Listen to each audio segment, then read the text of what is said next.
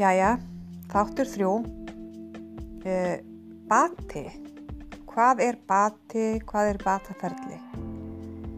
Þegar ég byrjaði að vinna í sjálfum mér og bara hreinlega var komin á það, þá endastöðu að það var ekkert annað stöðinni en að fara upp og finna einhvers konar bata.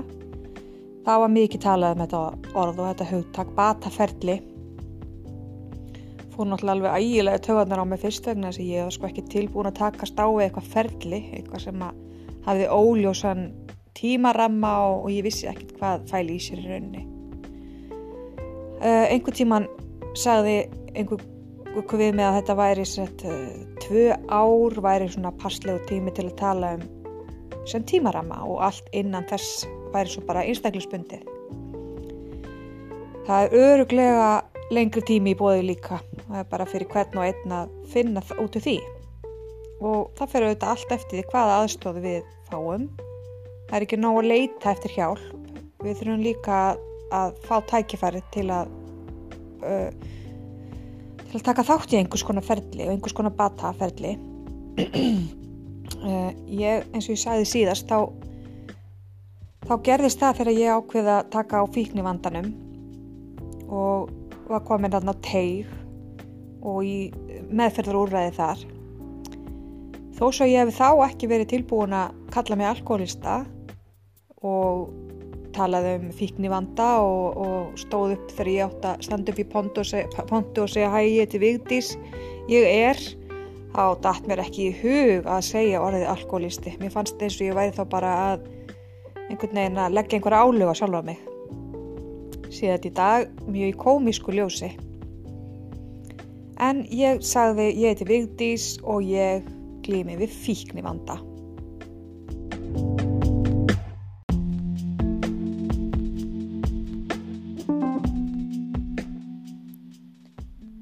Ég var þarna inn á tegi með alls konar fólki sem hafi bæði komið áður þangað, uh, var að koma í fyrsta skipti eins og ég eða hafi áður farið í A-samtökinn og á, í meðferðir annar staðar og svona, þannig að þetta var svona fjölubrættur hópur og ég lærði alveg ótrúlega mikið af þessu fólki á þessum mánuðum sem ég var aðna.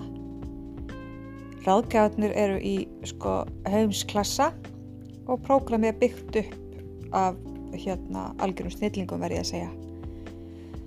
Þau hafa bæði reynslu af uh, sem fagmenn af sjúkdómnum eða af þessum kvillum öllum og svo kannski sömur sem af eigin reynslu og bara úrvalslið verði að segja.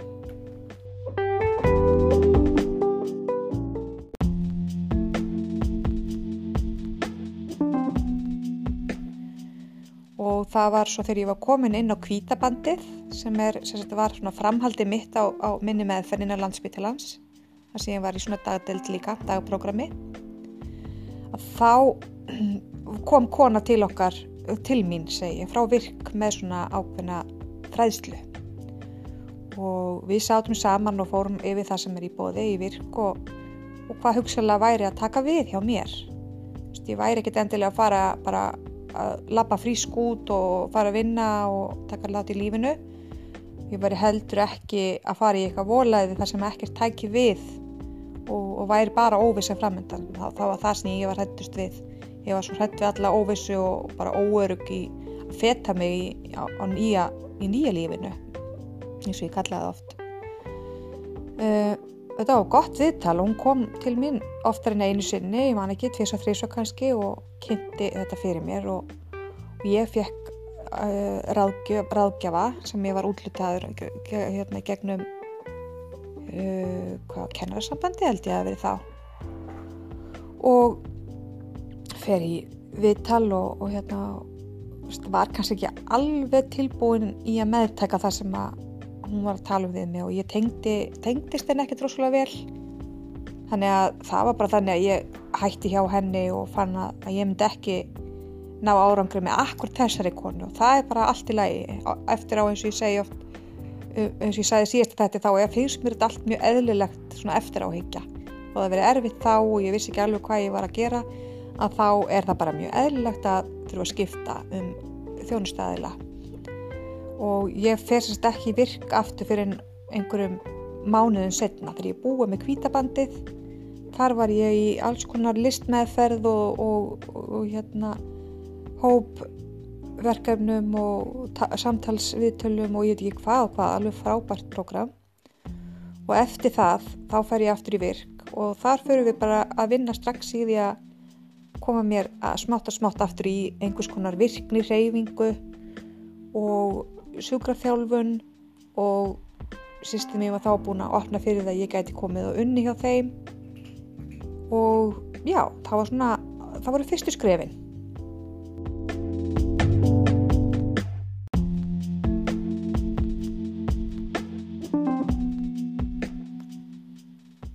Þarna er ég búin að vera á svo kallum endurhæfingalíferi hjá Tryggingastofnun. Frá því að það var ljóst að ég var að detta út af vinnumarkaði. Og það var nú bara eitthvað sem að í dag finnst mér bara sjálfsagt mála að hafa fengið og, og partur af þessu ferli. En auðvitað er maður heppin að það, þetta sé bóði þetta er náttúrulega ekki sjálfsagt mál.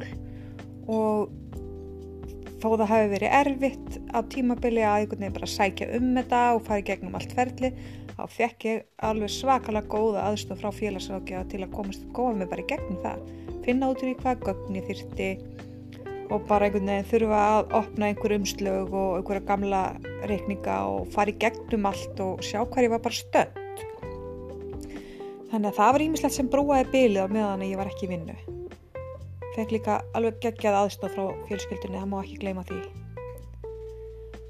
Og svo margi sem ég ofta þakka fyrir allt í þessu ferli og það ætla ég að gera á bara alveg sér þætti. Bara verður þryggja klukkutíma langur. Nei, djók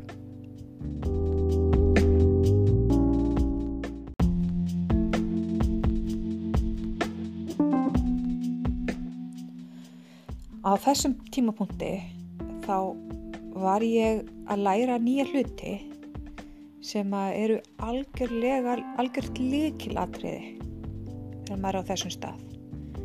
Það byrjaði strax inn á tegi að ég fór að læra um núvitund og það geta verið í núinu og þóla við í alls konar aðstæðum með því að stunda þessa núvitund. Áður fyrr í mörg, mörg ár og allt það var ég búin að prófa hugleislu og, og svona einhvern veginn kynast þessum, þessari taktík alveg, þessari tækni. En ég hafði aldrei svona tengt að beint við akkurat þennan stað sem ég var á og, og hérna var svolítið búin að gefast upp á alls konar svona bæði andlegum leiðum og, og svona þess aftar dóti. Ég var alveg búin að gefast upp á lífinu bara yfir höfu þannig ég var búin að setja allar svona hluti sem ég hefði lært einhvern veginn bara ón í einhverja kistu og loka og held að þetta væri bara allt saman hægt að virka. Þannig lærði ég þessa tekni bara markvist, bæði inn á tegi og svo inn á kvítabandi og svo áfram með fulltránum mínum ráðgjáðanu hjá virk og svo í þeirri vegferð sem bara fór að stað þar með hreyfingu, uh, sjúkurþjálfun og endarleysum bara æfingum maður var að æfa sig að feta sig í nýja lífinu. Og þetta eins og ég segi er bara ásand slökun, djúb slökun bara eitt af mikilvægasta sem ég hef tilenga mér. Og get ekki mælt og náðu mikið með því.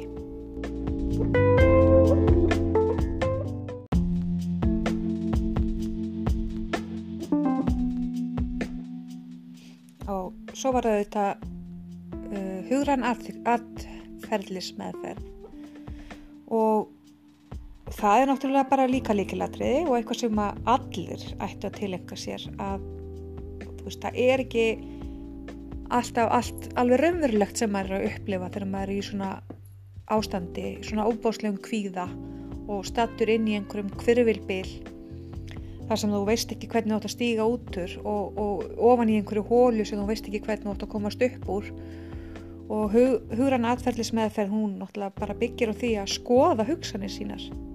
Og staldra við skoða alls konar líðan og bara sjá það svolítið í raun, raunverulegu ljósi. Er þetta raunveruleg hugsun? Er hún, þetta eru allar hugsanir kannski raunverulegar en er hún raunsæ? Veist, er ég kvíðin út af þessu af því þetta er raunverulega svona eða er ég bara búin að byggja eitthvað upp í, inn í huganum á mér og byggja upp eitthvað kvíða gaggvart einhver sem er kannski ekki nákvæmlega eins og ég held að það sé? Þetta fannst mér magnað, ég búin að læra þetta svolítið í sálfræðinni þegar ég var í sálfræðinni í háskólanum á Akureyri en hafði kannski ekki alveg náða að tilenga mér og hafði ekki þurft það fyrir en þarna.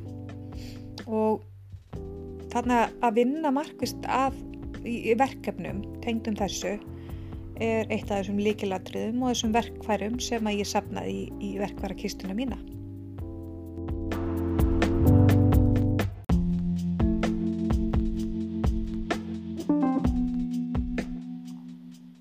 Það var svo auðvitað eitt og annað fleira sem að ég fekk að prófa í gegnum virk og ég fekk sálfræði viðtöl, ég fekk viðtöl hjá fjármálaráðkjafa, það var eitthvað sem ég barðist mjög fyrir og hafði ekki verið inn í þessu prógrami áður en ég vissi það að ég þurfti mjög á því að halda á einhvers konar fjármálaráðkjöf vegna þess að ég taldi og veist, tel ennþá að, að fjárhagsáhyggjur hafi verið bara eitt af stærsta vandamálinu mínu og þetta kvíða, kvíðavaldandi í mörg ár. Og þarna er ég að taka fyrstu skrefin í vinnunni eins og ég segi og ég fer að fá einhvern svona smá pening ég fekk einhvers konar styrk afturvirt frá kennararsambandinu svona úr sjúkrasjóði og var allt inn að koma með einhverju upphæð sem ég þurfti að vinna úr með fjármálarafgjafanum í hvað átt að fara, hvernig væri besta að forgansraða og við vorum farin að ræða um það hvort að ég væri hreinlega stödd þar að ég væri tæknilega séð gjaldtróta þó svo að ég væri með þessa upphæð þá var hún bara eins og drópi í hafið. Og ég er einhvern veginn komin í einhvern smá svona flóttagýr þarna. Ég man eftir því að mér, ég var hún svo þreytt á ástandinu og mér fannst ég verið búin að vera það lengi eitthvað að vinna í þessu öllu að nú gæti ég aðeins sleftökunum og var þarna alveg típist þegar maður er í svona ekki alveg besta manneskjan í að sjá um eigin fjármál að þá var ég farin að taka af þessum pening og nota til að lifa lífinu. Ég byrjaði að drekka aftur eftir ég á búin að vera edru í einhverja mánuði eftir meðferðin á tegi. Ég var alveg vissum að nú var þetta bara komið og ég gæti nú aldrei svarað að fá mér í glas og lifa lífinu eins og ég segi. Varsla född og eitthvað hvað og hvað. Og ég var ekkert lengi að koma mér í aðstæður sem að ég ætlaði mér aldrei að vera í aftur og stundum er sagt að maður fá einhvern veginn að strax tækifar til að reyka sig á og taka almennilega æfingu í því sem maður er að fást við. Og þetta var aldrei þarna sem að það gerðist. Og auðvitað átti ég enga innistæðu fyrir því að fara að drekka. Og eins og maður, ef maður er með þýknumanda þá verður bara eftir svona falla þá byrja maður bara að drekka eða nota eða hvað sem það er, bara ennþá meira. Og verður bara stjórnlösari og ekki alveg besti staðurinn að vera á þegar maður er að reyna að tækla lífið upp og nýtt. Þannig að þarna sagt, fer ég að drekka aftur og eigða pening og sá fyrir mér að ég var að stefna bara í einhvern þrótt. Það verður okkur mjög ljóst að ég er gæltrótt og í rauninni er ég búin að vera að stefna í gæltrótt í nokkur ár og alveg upp í tíu ár þar sem ég er búin að vera svona berjast í bökkum og, og lifa á engu. Og ef ég átti einhvern pening þá eitt ég ormi vittlisu í staðan fyrir að eða náttúrulega skinsanlegan hátt. Þannig að ég var búin að missa algjörlega tökinn fyrirtalti löngu síðan. Ég hafði ekkert annað í stöðunni heldur en að byrja upp á nýtt byrja á nulli og lýsa sjálfur með gældróta Ég gerði það ekki fyrir en að ég, mér bauð styrkur, man ekki alveg frá hverju, ég held að að því ég á búin að vera hjá umbósmanni skuldara, já. Er alltaf löngu áður og reynaði mitt eins og ég segja að ná utanum þetta allt saman. Að, mér, að því að það hafði ekki gengið upp, þá bauðst mér styrkur til að reynlega nota í gæltrótsferlið og það kostar nú sitt að lýsa sjálfur sig gæltróta. Og það, ég stökk á það og ég sé alls ekki eftir því í dag. Ég þurfti að borga smá pening til þess að lýsa mig gældröta og byrja upp á nýtt. Og ég er auðvitað enþá í því stödd þar. Og það verður ekki fyrir en eftir einhverja, á, eitt ár eða tæft ár sem að ég get verið að uh, losa mig úr þeim fjötrum. Þið viti það er ímyndlegt sem að fólk veit um gjaldrótt þó svo að við ekki endilega lendið því sjálft. Í dag er þetta tveggjára tímabil sem að maður má ekki eiga eignir eða svona maður þarf að á ekki debitkort og, og þarf að fara í bankan og taka út og, og það er svona ímislegt, ímsar svona hömlur sem maður uh, þarf að gangast við bara. Og það hefur líka verið bara mjög holdt gott. Þannig að ég sé ekki eftir því í dag. Auðvitað er þetta alveg óbúslega svona mikil skömm og svona uppgjöf sem fylgir þessu. Og manni finnst maður náttúrulega bara algjör lúser og margar tilfinningar sem að fylgja því að þurfa að e, lýsa sjálfa sig gjaldþróta gefast í rauninu upp og svo þarf maður að treysta á sjálfan sig að maður ætla ekki að lenda í sömu aðstæðum aftur. Ég fæ ekkert annað tækifæri skiljiði. Það er e, ekkert í bóði annað eldur en að taka þessa hluti bara förstum tökum. Og þetta er eitt af því sem að er inn í þessu bataferli mínu.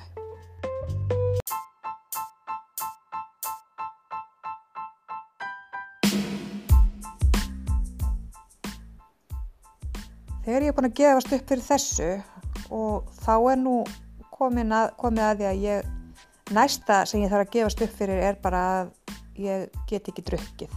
Ég get ekki uh, verið að standa í því að drekka áfengi og á þessum tímapunkti þá var ég farin að drekka það ótæpilega að ég á farin að drekka á endanum heima einn og á endanum á hverju kvöldi sem þýði það bara að ég var á einn dagdrykjumanniska og það var bara ekki góðu staður að vera á. Þannig var ég komin í algjörð myrkur aftur og hugsaði með mér, já ég veit því að nú ertu búin að koma þér á upphafsreit. Ætlar að byrja upp á nýtt á öllu ferlinu eða getur einhvern veginn núna spynt í bakkan og tekið ábyrð á sjálfrið þér. Það er sérst fyrir tæpum 11 mánuðum að ég ákveða að hætta að drekka aftur og byrjaði það á því að lappa inn á aðfund og var þar á hverjum degi í þrjá mánuði að stunda fundi. Fekk að fara úr vinnu í hátteginu og er endalust þakklátt fyrir kvartninguna og aðstofuna sem ég fekk í vinnunni til þess að taka þetta fyrstum tökum. Og það er náttúrulega eitthvað sem ég held að sé bara muni verða svona á endanum þessi viðsnúningur sem að ég eftir að horfa tilbaka og hugsa þarna, þarna gerist þetta. Þarna fattaði ég þetta og þarna byrjaði ég fyrst að skipta taka almennilega ábyrð á eigin lífi. Það voru skrítið að þegar maður er í AA eða í tólsporunum að það þarf maður að gefast upp maður að gefast upp fyrir sjálfum sér. Maður að gefast upp fyrir því að maður hafi ekki stjórn á eigin lífi. Þetta er bara fyrsta spórið í prógraminu. Og það var auðvitað bara mjög erfitt en ég var bara svo tilbúin. Og ég var með örvendingu sem margir tala um að sé mjög mikilvægi upphafi þess að verða ég trú og það var einhvern veginn, ég bara held í það.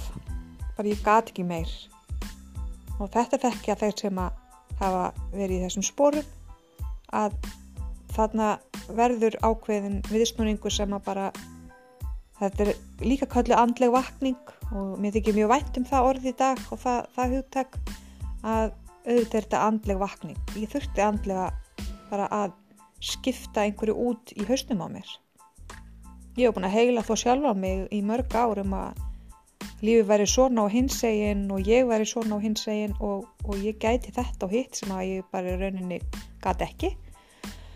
Og ég þurfti bara að gefast upp fyrir þessu öllu saman. Og ég langar að segja ykkur frá þessu í næsta þætti og vera bara daldi hreinskilinn á þess að brjóta einhverjar svona trónaða reglu sem fylgja samtökunum. Þetta skiptir mig öllu máli og ég held að ég geti bara lagt ímislegt til málana þann til þeirra sem að kannski þurfa á því að halda, að heyra og taka til sín. Takk fyrir í dag og við heyrustum morgun. Bless, bless.